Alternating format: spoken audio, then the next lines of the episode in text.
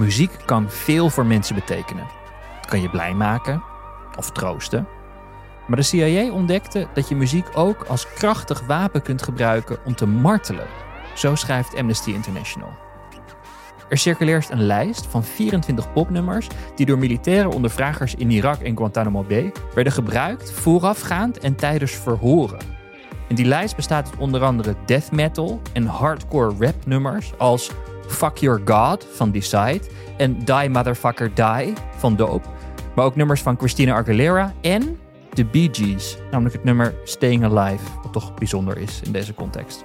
En, toch apart, ook de tune van Sesamstraat werd gespeeld om mensen te pijnigen. Het doel van de militairen was slaapgebrek stimuleren. Of het geschreeuw overstemmen elders in het gebouw. En gevangenen van hun stuk brengen tijdens ondervragingen. Het gaat vandaag over de kracht van geluiden. En dat doe ik deze week samen met Ernst-Jan Fout, met wie ik de podcast POM maak, ook te luisteren op dit platform. En één tip, deze aflevering is leuker om te luisteren met oortjes of een koptelefoon op. Het is niet noodzakelijk, maar wel leuker. Hoe dan ook. Ik ben Alexander Klupping. Welkom bij Goed Verhaal.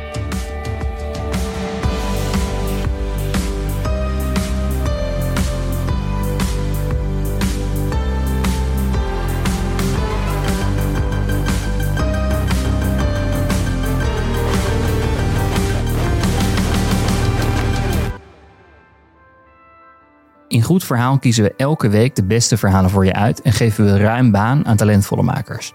En er staan al tientallen afleveringen van deze podcast voor je klaar. En wil je die bingen? Dan kan dat via Podimo. Ga daarvoor naar podimo.nl slash goedverhaal en dan kun je de eerste 30 dagen gelijk gratis luisteren. Wat vind jij het meest irritante geluid? Afzuigers. Afzuigers? Gek van afzuigers. Een kook kookafzuiger? Ja, of airfryers. Airfryer. Wat voor geluid maakt een airfryer? Weet je, dat je dan, dat je dan eh, gezelschap, in gezelschap bent. Ja. Dat iemand friet staat te bakken Ja. met een airfryer. En dan kan ik eigenlijk niet meer naar gesprek luisteren. Ik kan alleen nog maar naar die herrie luisteren. Zo geïrriteerd ben je. Ja. En wat doet dat met, je, met jouw lijf? Ik raak overprikkeld. Uh-huh. Dus ik wil, eh, ik wil eigenlijk weg. Ik merk vooral als het dan uitgaat, dus de afzuiger gaat uit, airfryer gaat uit, dat ik dan echt zo Ontspan. on, totaal ontspan. Is dat, ook Dan het maak ik ook moment, een geluid. Zeg, ah. is dat het moment dat je er eigenlijk pas achter komt dat, dat die ergernis aan de, überhaupt aan de hand was? Als ik geluk heb wel. Maar als ik pech heb, kom ik er tijdens dat ik de ergernis ervaar achter waardoor ik de ergernis ervaar. Waardoor ik zo ge- opgefokt ben. Dan Ja, wordt het ja, nog ja. erger. Ja. Want dan ga ik ook, degene die die airfryer staat te bedienen, ga ik ook vervelend vinden. Oké, je hebt een oordeel over de persoon die de Ja, ja, airfryer ja, precies. eigenlijk jouw eten aan het maken Ja, is. en ja, inderdaad. Dat ik zo met smaak ga opeten, die Ja. patatjes. En wat denk je dan over die persoon die die airfryer bedient? Wat heb jij een airfryer gekocht die een herrie maakt? zeg? Ja, ja. Kan je dat niet even ergens anders gaan doen? Oh Het ja. was echt niet, eh ik praat het op geen manier goed. Sterker nog, het is wanstaltig eh gedachten zijn het. Mhm, mhm. Want het is gewoon lekker patattenbakker voor mij. Er zijn dus een soort clichés over misofonie, want zo heet deze aandoening. Namelijk dat je ergeren aan geluiden. Dat is iets wat gewoon in de DSM-5 ook beschreven staat als een psychologische aandoening. Het is Mhm. gewoon een ziekte. Oké, Laten we ik kan hier laten voor behandelen. laten we het beestje bij de naam noemen. Nee, zeker. Er is geen behandeling voor. Oh, dit moet je me leren leven. Je kan, er niet, je kan het niet afleren. Je kan, je kan ermee leren leven, maar je kan niet afleren, dit gedrag. Afzuigkappen, um, airfryers. Ik heb het dus met eh, stijgerbouw. Als Ja. ik al zie dat dat karretje klaar staat. ik, ik woon in Amsterdam, dat is de hoofdstad van Nederland. Als er een, zo'n karretje staat met zo'n achter, achterbak met die stijgers erop, dan denk ik, ik ga hier weg. Ik ga gewoon uit mijn huis, want ik, dat is dan in de buurt ergens. Het is niet Ja. eens bij mijn eigen huis, gewoon een, een huis in de buurt waar een stijger gebouwd Die gaat worden. hamers op metaal. Ach, vreselijk. Ja. En daar gooien ze mee, die dingen. Vooral als ze gaan afbouwen. Ja. Dat vind ik irritant. Klassiek is natuurlijk smakken. Of überhaupt eetgeluiden. Iedere vorm van eetgeluid. Oh ja, als je kinderen op bezoek hebt die smakken. Is- Heb jij het vooral bij kinderen? Nou ja, ik krijg nu wel eens kinderen op bezoek. Omdat Ja. ik zelf kinderen heb. En dan ja. zijn er dan kinderen die niet is afgeleerd om te smakken. Ja, oké. Ja, ik, wil, ik wou Als zeggen... de ouders er dan bij zijn, zeg ik er niks van. Maar als de ouders er niet bij zijn, ga ik het kind opvoeden. ja, Dat ja. kan gewoon niet hebben. Ja. En wat hè? zeg je dan? Komt die Je maakt een ergernis... beetje geluid als je eet. Daar komt al heel veel agressie, agressie mee. Hoe komt dat? Maar dus, er is iets met eetgeluiden. Volgens mij is dat ook een breed gedeeld eh, probleem in de misofone gemeenschap. Waar wij dus card-carrying members van zijn. En, en in een treincoupé, als iemand dan een appel zit te eten. Vooral appels zijn een heel heftig geluid. Ja, Ja, afhappen. Ga ik gewoon weg. Of, of, en dat is ook zoiets wat je vaak hoort. Mensen gewoon altijd oordoppen of ehm, eh, koptelefoons met noise cancelling meenemen. Om het geluid maar te overstemmen. Mhm. Heb- Oh, van die slijp, mensen die aan het slijpen zijn. Slijpen. Ik heb, ja, eh, of zagen of zo. Ik heb vroeger op een, op een appartementencomplex gewoond met de binnenplaats. Met zo'n klank, dat is dus een klankkast. Zeker. Er is altijd elke weekend een of andere lul die dan weer gaat klussen. Ja. Waarom dit niet gewoon tijdens kantooruren doet, word ik helemaal gek van. Een kenmerk van misofonie is dus dat je niet alleen maar je ergert aan het geluid, maar boosheid ervaart en ook een gevoel van verhevenheid over de personen die Ja, het geluid veroorzaken. heel erg. Ja. En dat is dus waarom het in de DSM-5 staat. Het is, een, het is dus daadwerkelijk iets, een ziekte, waar allerlei, associ- alle, allerlei gevolgen bij horen die voor heel, heel die gemeenschap hetzelfde zijn. En het onderwerp waar we vandaag over gaan hebben in deze aflevering gaat dus over geluid. En wij hebben het over de negatieve ervaring van geluid. Maar je kan dus ook juist het tegenovergestelde hebben. Namelijk dat je juist een hele positieve ervaring hebt met geluid. Hmm. En dat gold bijvoorbeeld voor iemand die heette Jennifer Allen. Zij is een reporter, een journalist voor een sportzender. En zij constateerde bij zichzelf dat toen ze een video zat te kijken van de aarde en dat die dan uitzoomt door de ruimte, dat die camera zo ver uitzoomt dat op een gegeven moment de aarde als een soort van knikker in een universum, in het universum zweeft, dat ze merkte dat bij het kijken van die video dat ze er tintelingen van kreeg. Fijne tintelingen, zo beschreef ze. Het kwam over me als een golf, als een warme gloed die zich een weg baant langs mijn ruggengraat. En ze hield van dat gevoel, maar ze kon nou niet de vinger erop leggen wat nou precies de oorzaak van dat gevoel was. Het was een, een soort nieuwe ervaring die ze had Mhm. door beeld. En ze was benieuwd naar wat dat gevoel, wat ze dus moeilijk kon onder woorden kon brengen, wat dat nou veroorzaakte, wat dat betekende. Dus ze ging googlen naar een beetje vage termen, zoals tintelend hoofd of zelfs breinorgasme. Maar ja, dat levert natuurlijk niks op. En negen jaar lang tastte ze in het duister. Tot op een dag in 2009. Toen tikte ze er standaard zoekopdrachten weer in. Want inmiddels had zij zoekopdrachten. Brain orgasm. eh, we- eh, ja, en deze dat wekelijkse eens in de zoveel tijd. Om te kijken of er misschien iemand was gekomen die dat herkende. Ze Ja. stuitte op een blogpost genaamd Weird Sensation Feels Good. En ze klikt op het artikel, begint met lezen. En er staat, en ik citeer nu uit een stuk van de New York Times. Ik krijg soms een gevoel. Er is niet echt een trigger voor. Het gebeurt gewoon. Ik heb het al sinds dat ik een kind ben en het gebeurt nog steeds. Ik ben inmiddels 21. En voorbeelden van die momenten waarop ik het krijg is als ik de Puppet Show keek, tv-serie, of wanneer ik een verhaaltje werd voorgelezen. Maar ook als tiener, wanneer een klasgenootje een pen of een marker op de palm van mijn hand schreef. Toen ik dat las, dacht ik opeens: hm, ik begrijp wat je bedoelt. Dat je met een stift of met een pen op de palm van je hand schrijft. Dat is een soort tactiele reden. Maar soms gebeurt het ook zonder bepaalde reden. En de re- reacties zijn vooral het ding wat Jennifer raakt. Die stapelen zich namelijk op met mensen die gelijkwaardige ervaringen beginnen te delen. Een soort, ze beschrijven het als een zilveren sprankeling in je hoofd. Een soort euforisch braingasm. Een gevoel van kippenvel dat langzaamaan vervaagt als golven die hoger en lager worden. Leuk volk, hè, die Amerikanen. Heel eloquent. En de meeste mensen waren het erover eens dat een euforisch gevoel getriggerd kon worden door het geluid van zacht gefluister in je oor. Of het frommelen met verpakkingen. Of door te luisteren naar een vragenformulier dat wordt ingevuld met een pen of een potlood. dus dan het geluid van het potlood op het papier. Precies. Hmm. En Jennifer scrolt door, pagina na pagina na pagina, met mensen die een discussie hebben over geluiden die tintelingen veroorzaken. En zij denkt, oh mijn god, deze mensen die praten precies over wat ik heb. En ze brengt een tijd door op dat platform. En het blijft aan haar klagen dat dat fenomeen geen toegankelijke naam heeft. Dus iets wat heel veel mensen herkennen, maar wat nog geen naam heeft. En brainga- braingasm klinkt niet echt lekker en een tikkeltje seksueel. Ja, dat ga je niet tegen je kind zeggen. Dat gevoel dat je nu hebt, dat is een hersenorgasme. Dus ze besluit te brainstormen en zelf gewoon een naam te verzinnen. En ze bedenkt een nieuwe naam. Autonomous Sensory Meridian Response, oftewel ASMR.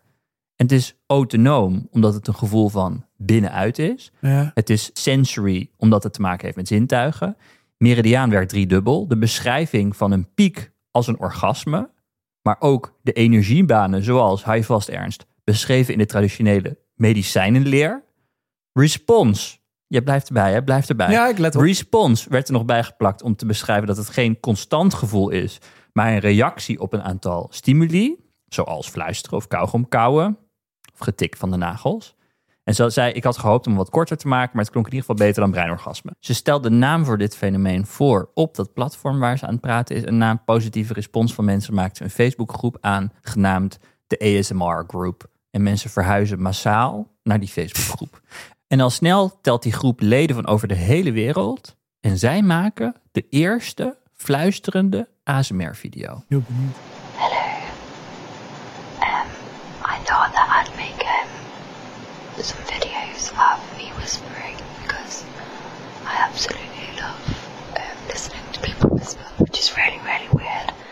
Het doet echt iets met oh, ik vind het echt, ik krijg er echt kriebels van op een slechte manier. Wat dan? Ja, ik, ik vind het heel storend. Een heel storend geluid. Heel stom. Ja, van die, wat doet die mevrouw in mijn oren? Ga weg. Ben je dat niet? Oeh, een beetje, een beetje virtueel aangerand. Het is dus een video van 14 jaar geleden. Vind jij dit lekker? Eh, nee, maar ik, eh, ik vind het niet lekker, maar ik vind het ook niet vervelend. En het doet wel gelijk iets met me. En volgens mij is dat precies die tussenspace waar mensen zo op Hmm. aanslaan. Nou goed, in 2009 telde YouTube zo'n negen kanalen die zich bezig hielden met ASMR. Dat is nog niet zoveel. En vandaag de dag verschijnen er elke dag 500 tikkende, smakkende of luisterende video's of iets anders wat met ASMR te maken heeft. Gemaakt door 500.000 verschillende ASMR-tists. Wauw, dat vind ik dan weer lekker gevonden. Maar kan je, kan je een smaak hebben binnen ASMR? Want ik, ben wel, ik heb niet nu naar deze fluistervideo zoiets van, of fluistergeluid, zoiets van, dit is helemaal niks meer voor mij. Ik kan me voorstellen dat het bij mij een ander geluid is.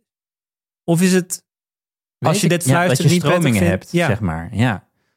Oh, dat je op zo'n meeting van, oh, jij bent aan het ik ben meer van een propje papier. ja, het zou heel goed kunnen. Het zou heel goed kunnen. Er zijn in ieder geval heel veel verschillende typen eh, geluiden, maar veel hebben wel te maken met de aanraking van een object. Dus het gaat om het aanraking van een textuur. Hmm. En dan heb je heel veel mensen die zijn heel erg bezig met fluisteren. Heel zachtjes praten, dat is gewoon een ding. Of een mix van die twee. Dus ik zag bijvoorbeeld Ikea heeft een ASMR reclamevideo gemaakt op YouTube van volgens mij 20 minuten of zo. Waar ze een Ikea kamer inloopt en dan is er een mevrouw en die gaat dan heel zachtjes het beddengoed recht leggen. En dan beschrijft ze wat ze doet. Ik ben nu het beddengoed aan het rechtleggen. nee, Maar ik dan zit, beter dan nee, ik. ik zit niet in deze groep.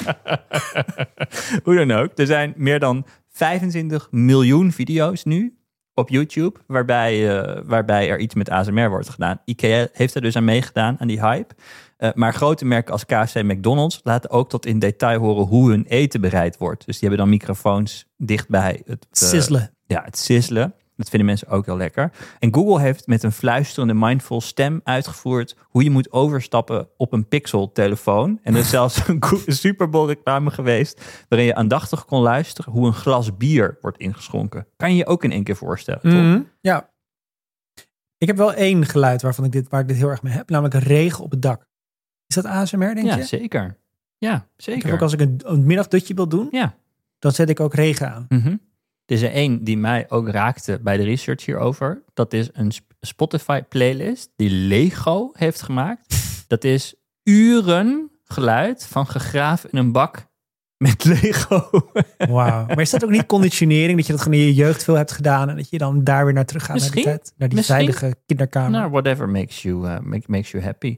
Er is ook een real-life ASMR studio, kwamen wij tegen, genaamd The Whisper Lodge in New York. Waar je voor 150 dollar per uur terecht kan voor een real-life ASMR experience. Dan kun je even alles laten gaan in de drukke stad. En dan worden er zachtjes dingen in je oor gefluisterd. Word je geaaid met verschillende make-up borsteltjes. En prikkelt het gezoem van de elektrische tandenborstel, ik citeer, in je oren. Terwijl je die van je linkeroor naar je rechteroor wordt, be- wordt bewogen. Jeetje. Ben even stil van. Ja, ik leer heel veel nieuwe dingen. En die video's die worden vaak hyperrealistisch opgenomen. En dat, vind ik, dat is de technische kant van dit verhaal. En Dat, dat, eh, Komen we iets meer in jouw comfortzone. Ja. En dat is een uh, opnametechniek die heel oud is, in principe, maar die weer een soort revival heeft meegemaakt door de komst van ASMR. En dat is binaural audio. Dat doe je door twee microfoons te gebruiken in plaats van één microfoon, zoals wij dit nu opnemen. Twee microfoons die je 18 centimeter van elkaar verwijdert. En het idee is dat die 18 centimeter correspondeert met de afstand tussen je oren. Hmm. En het idee is dat als je die microfoonpositie maakt, en het werkt nog beter als je die microfoon inbouwt in een hoofd van een pop, een mannequin hoofd, zomaar te, zoals, je, zoals je wil, dat het geluid wat vervolgens opgenomen wordt door die twee microfoons met die, die oorschelp en wat dan allemaal, wat, wat ze allemaal ook niet nadoen, dat dat een heel, heel realistisch geluid opgeeft. En dat doet dus ook echt iets met je. En ik ga jou nu en de luisteraars ook uh, misschien heel erg irriteren. Of juist heel erg gelukkig maken. Met het geluid wat je krijgt als je zo'n. Uh, als je opneemt met zo'n. Met zo'n kop. Nee, ik ga het geluid van smakken je dus besparen. Want dat zou echt. Jij zou waarschijnlijk deze studio nu uitlopen. Maar dit is het geluid van een knipbeurt bij een kapper. Het geluid van de schaar die om je oren heen gaat. En de tondeuze die vervolgens de klus afmaakt. Ik ben heel benieuwd. Ik vind dit potentieel lekker klinken.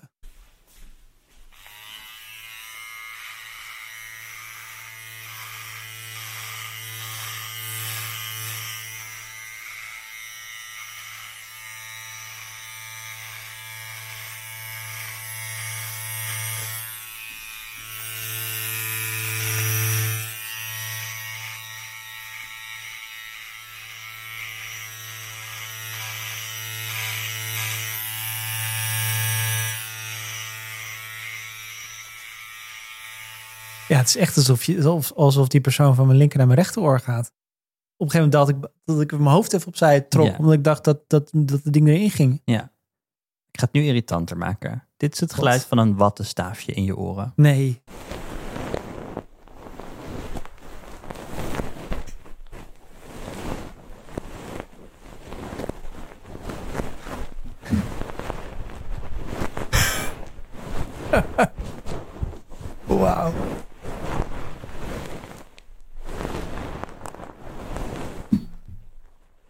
Is al best wel heftig, toch? Ja, ik vond het niet prettig. Wat veel mensen lekker vinden, en ik denk dat ieder kind dat wel herkent, is het geluid van bubble wrap.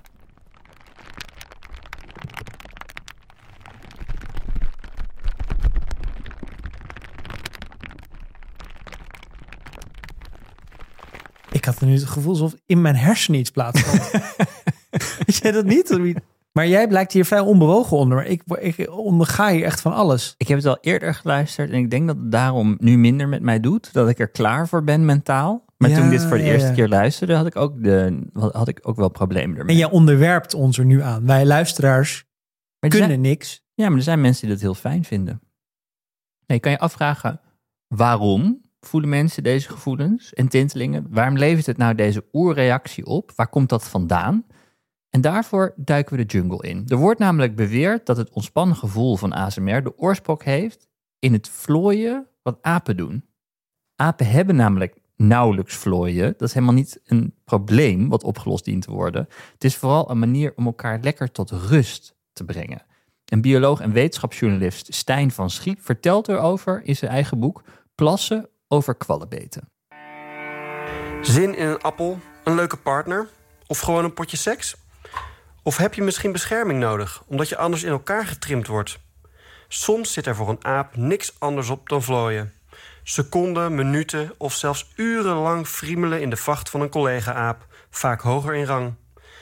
Niet op zoek naar vlooien, want die hebben apen zelden, maar meestal om huidschilfers, plantenresten en andere viezigheden te verwijderen. Vlooien is voor veel primaten dan ook dé manier om elkaars vacht lekker fris en schoon te houden. Zeker op moeilijk te bereiken plekken. Dat is niet alleen prettig voor de mede-aap, maar ook voor de gezondheid. Apen met een schone vacht verkeren in een betere fysieke conditie. Maar voor wat hoort wat.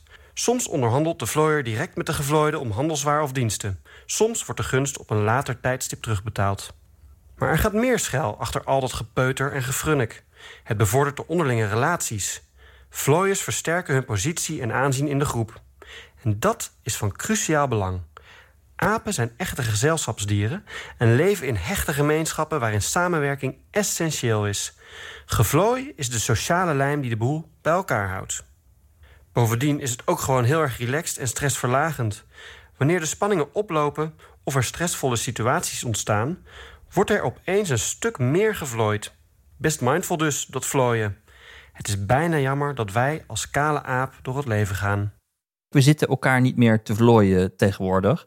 Maar diezelfde afleiding en ontspanningsreactie zit dus heel diep in ons en helpt talloze mensen om in slaap te vallen. En daarom is er ook steeds meer onderzoek naar ASMR. En gelukkig is dit door die hele hype ook ontketen dat de wetenschap er geïnteresseerd in is geraakt. En de man verantwoordelijk voor een grote academische stap met betrekking tot onderzoek naar ASMR vertelt erover, Dr. Craig Richard, over zijn eigen ervaring met ASMR en hoe hij erover leerde. I'm a bald man, but I don't miss my hair. What I do miss is going to the hairdresser. I found it to be such an enjoyable and relaxing experience. I loved it when they would rub their fingers through my hair while they washed my hair in the sink. I enjoyed it when they walked me over to the chair and they would play with my hair some more and talk to me about different hairstyles and haircuts I could get. And I even enjoyed the gentle sound of the scissors snip, snip, snip, right next to my ears. I enjoyed it so much and I was so deeply relaxed that I remember many times I would just sit there and I'd think, I'd pay you even if you just pretended to cut my hair.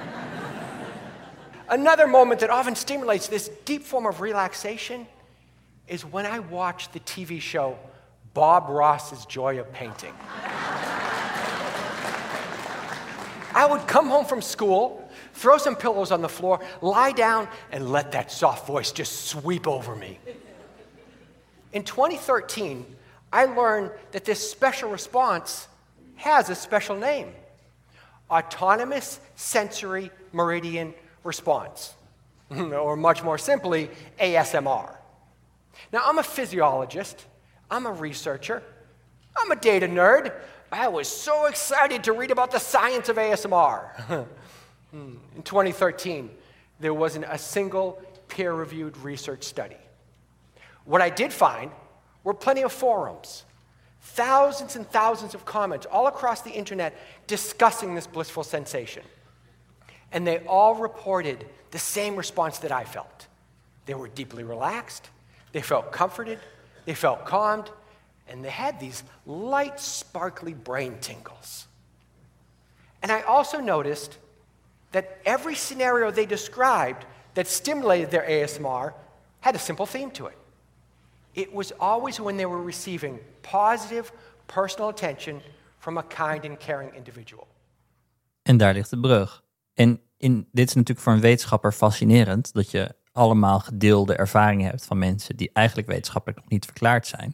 En inmiddels is hij de autoriteit op het gebied. In de research kom je deze man echt de hele tijd tegen. Hij publiceerde het eerste boek over ASMR, deed er veel onderzoek naar. Toch blijft echt hersenonderzoek doen lastig, omdat een MRI-scanner, die veel gebruikt wordt voor hersenonderzoek, eh, heel veel herrie maakt. Een hele heftige ervaring. Ja. Dat, je niet, eh, dat je even lekker ontspannen raakt. Ja, en een goede er- ASMR-ervaring ja, is gebaat bij rust en ontspanning.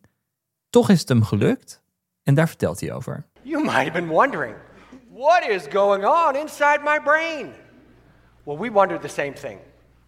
I recently published a brain scan study with Bryson Lochte and other researchers from Dartmouth College. And we saw that the brain regions that are activated while people are watching ASMR videos like these are the same brain regions that are activated when people are receiving positive personal attention from a kind and caring person in the real world. I've also collected data from over 30,000 participants as part of a research study with Carissa Burnett and Jennifer Allen.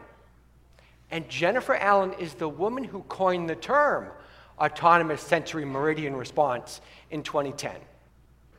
And what we see is that ASMR is experienced in over 130 different countries. And the people are reporting the same experience. They feel deeply relaxed. They have these special light brain tingles. And it's helping them to fall asleep more easily, and it's helping them to reduce their stress. Even individuals who are diagnosed with anxiety and insomnia are reporting benefits from watching these ASMR videos and experiencing ASMR. Other institutions are also publishing data about ASMR and they're reporting similar health benefits. One study in particular from the University of Sheffield in the United Kingdom showed that when people watch ASMR videos, their heart rates significantly and effectively are reduced. Now, there's plenty of unanswered questions still, like what might be the brain chemicals that are causing this amazing sensation? One likely candidate is the neurohormone oxytocin, and you might have heard of this as the love hormone.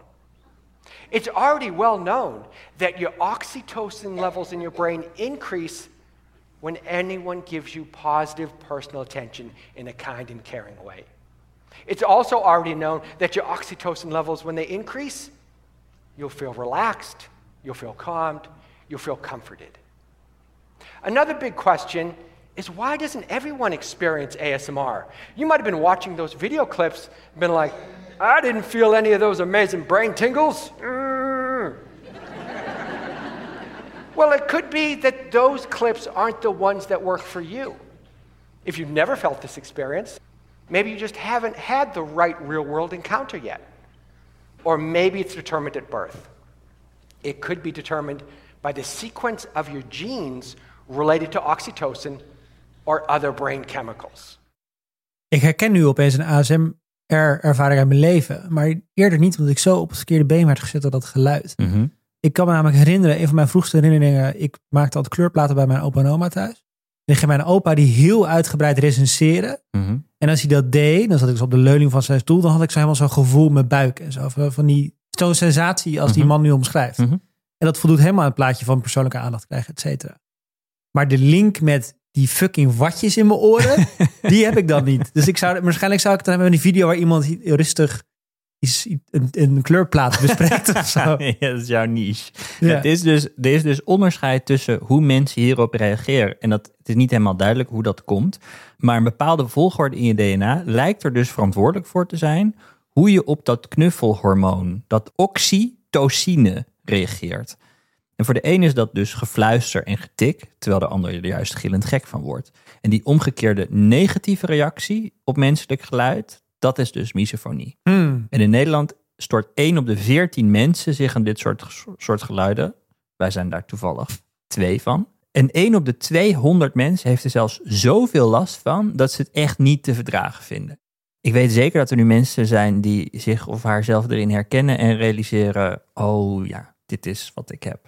En dat er ook heel veel mensen zijn die de hele tijd naar ons luisteren en denken: waar hebben die gasten het over? Dit is toch, aanstel is toch heerlijk om te Ja. luisteren naar een wattenstaafje in je oren. En wij dachten, we nemen de proef op de som om te kijken of we zelf zo'n ASMR-video zouden kunnen maken.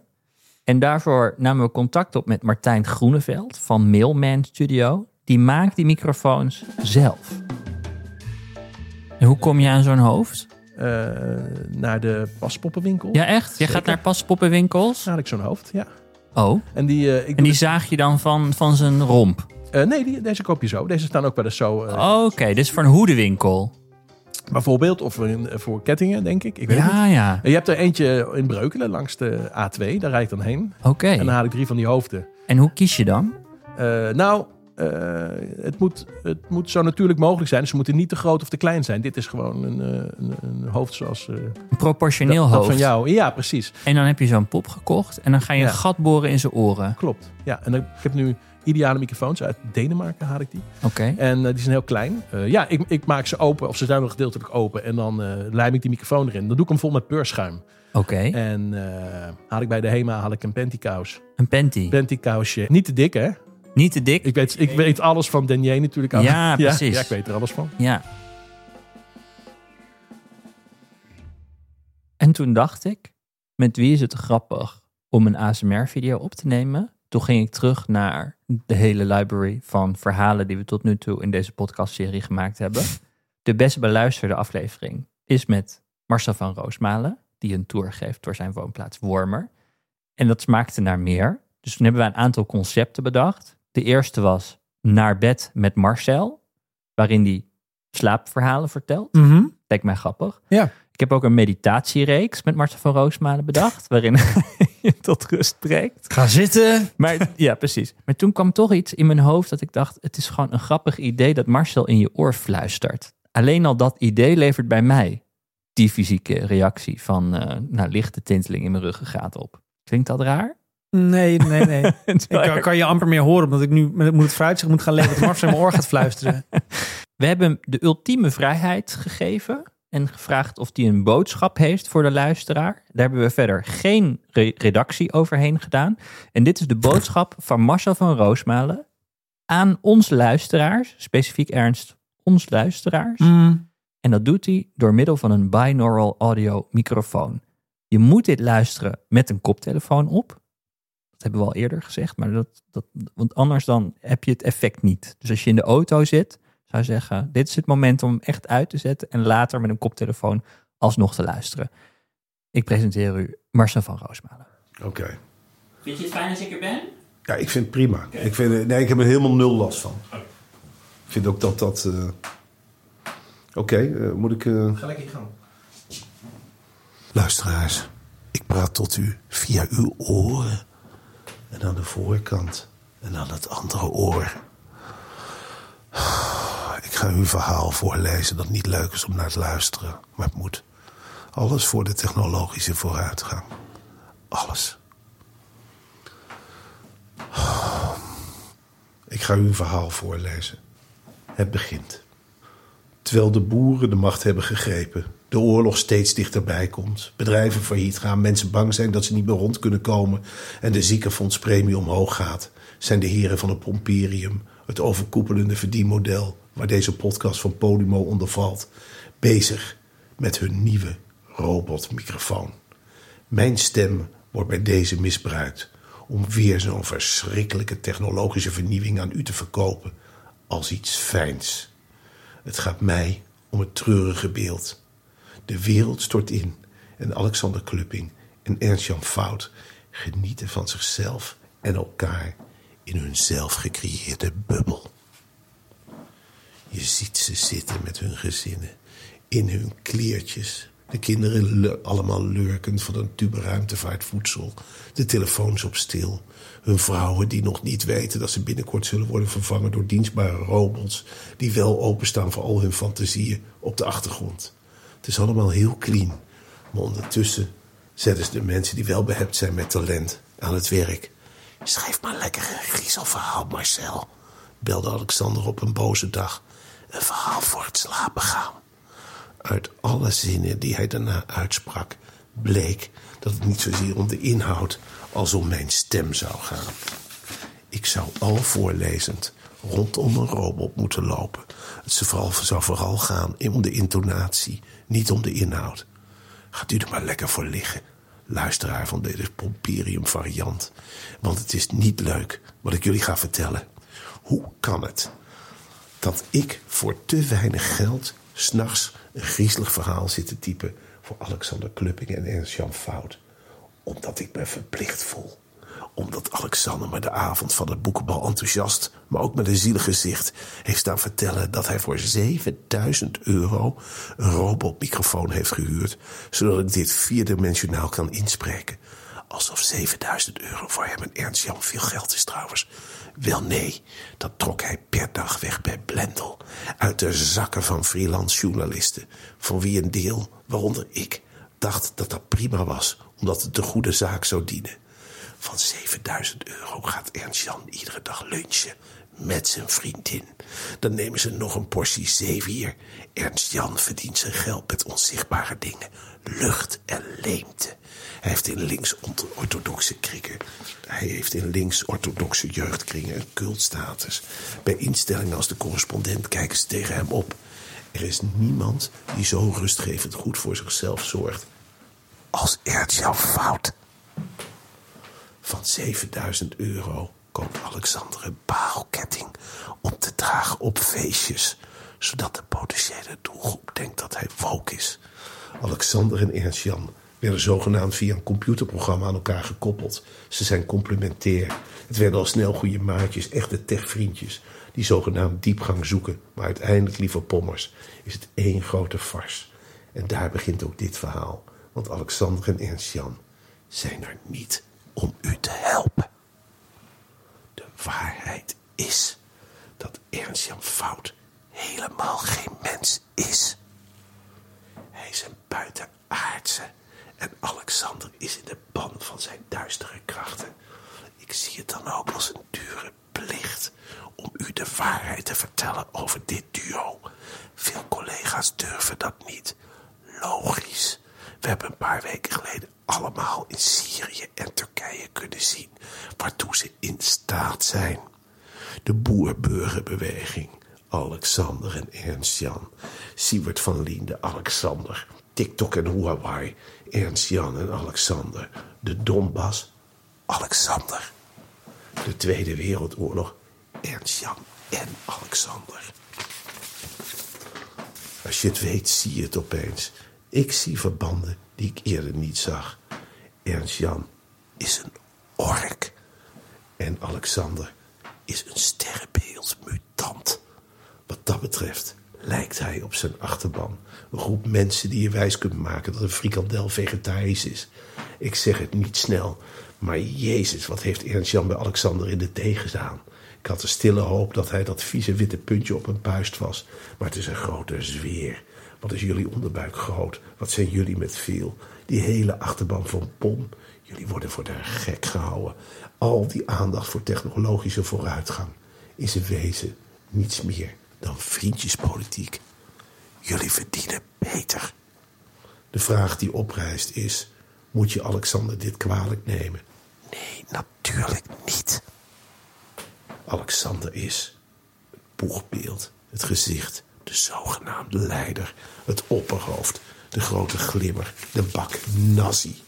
Hij straalt in alles uit dat hij niet beter weet. Kun je het een aardappel kwalijk nemen dat ze er friet van maken? Natuurlijk niet. Alexander is een schaatser die bij te dunne ijs toch de Elfstedentocht wil rijden. Hij is Claudia de Breij die de oudejaarsconferentie doet. Het varkentje dat zijn huisje bouwde van stro. Het rund dat met vuurwerk stunt. Tony Soprano vond zichzelf ook een goed mens. Jomanda dacht dat ze mensen kon genezen. Alexander is Edwin van der Sar die denkt dat hij ook zonder Mark Overmars een voetbalclub kan leiden. Een Richard de Mos die denkt dat hij politicus is. We moeten onze blik wenden tot Ernst Jan. Hij is het genie, het echte kwaad, de buikspreker die de ugly tot bedient. Ernst Jan is een lizard. Hij is op jonge leeftijd vanaf een andere planeet naar de aarde gecatapulteerd. Hij kwam uit zijn kristallen bol, nam onze gedaante aan en begon meteen met het eten van planten. Hij heeft gezocht naar een wormhol, een onwetende die hij kon besturen. En zo kwam hij via Alexander tot ons. Ik ben vaak getuige geweest van hun interactie. Ik stond erbij en keek ernaar. En ik zeg u eerlijk, ik kan er niet meer tegen. Ernst Jan houdt van bananen en Alexander niet. Ernst Jan is de gemene van de twee. Hij schopt paarden, snijdt van vissen de kop af en lokt minderjarige en gehandicapte fans naar stallen in de buurt van Utrecht. En wat daar dan gebeurt, moeten ze natuurlijk helemaal zelf weten. Wat ik erg vind, is dat hij niet aan Alexander heeft verteld dat hij van een andere planeet komt. Dat hij naar hier is gekomen om de boel te ontwrichten. Ernst Jan heeft een baard die hij goed verzorgt. Hij smeert er iedere dag een speciale gel in. Hij is een trouwe echtgenoot en is vegetarisch. Alexander eet sinds kort ook geen vis meer. Ook niet als hij honger heeft. Waar eindigt dit? Laat Ernst Jan hem straks cocaïne spuiten? Of moet hij van Ernst van Jan nog vaker naar Eva Jinek om daar wartaal uit te slaan? Verandert hij Alexander in een soort chat, CPT of Bing? Of gebruikt hij Alexander als ruitenschip, waarvan hij onze gedachten naar andere planeten stuurt? Het is voor Alexander gewoon niet leuk om de aandacht te delen met iemand die zijn vuilnis dus niet in de prullenbak gooit, maar ernaast, omdat hij stiekem gewoon scheid heeft aan zijn ecologische voetafdruk, omdat hij toevallig van een andere planeet komt. Ik wil dat dit stopt en dat Alexander weer gewoon terugkeert naar het jongetje uit Os. Dat je niets kwalijk kunt nemen, behalve misschien dat hij te lang bezig was met zijn technisch Lego. Is er dan niets wat we kunnen doen? Jawel. Luister niet langer naar deze podcast.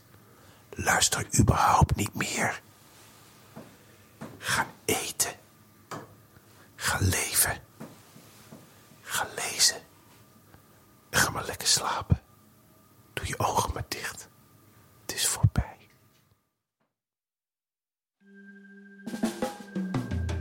We zijn veel dank verschuldigd aan Sam Hengeveld voor de redactie van deze aflevering.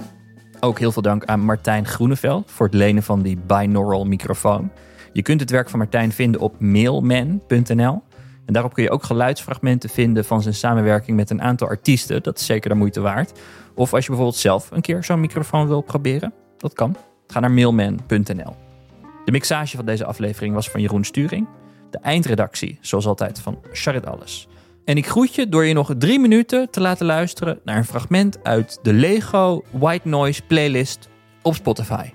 Veel plezier.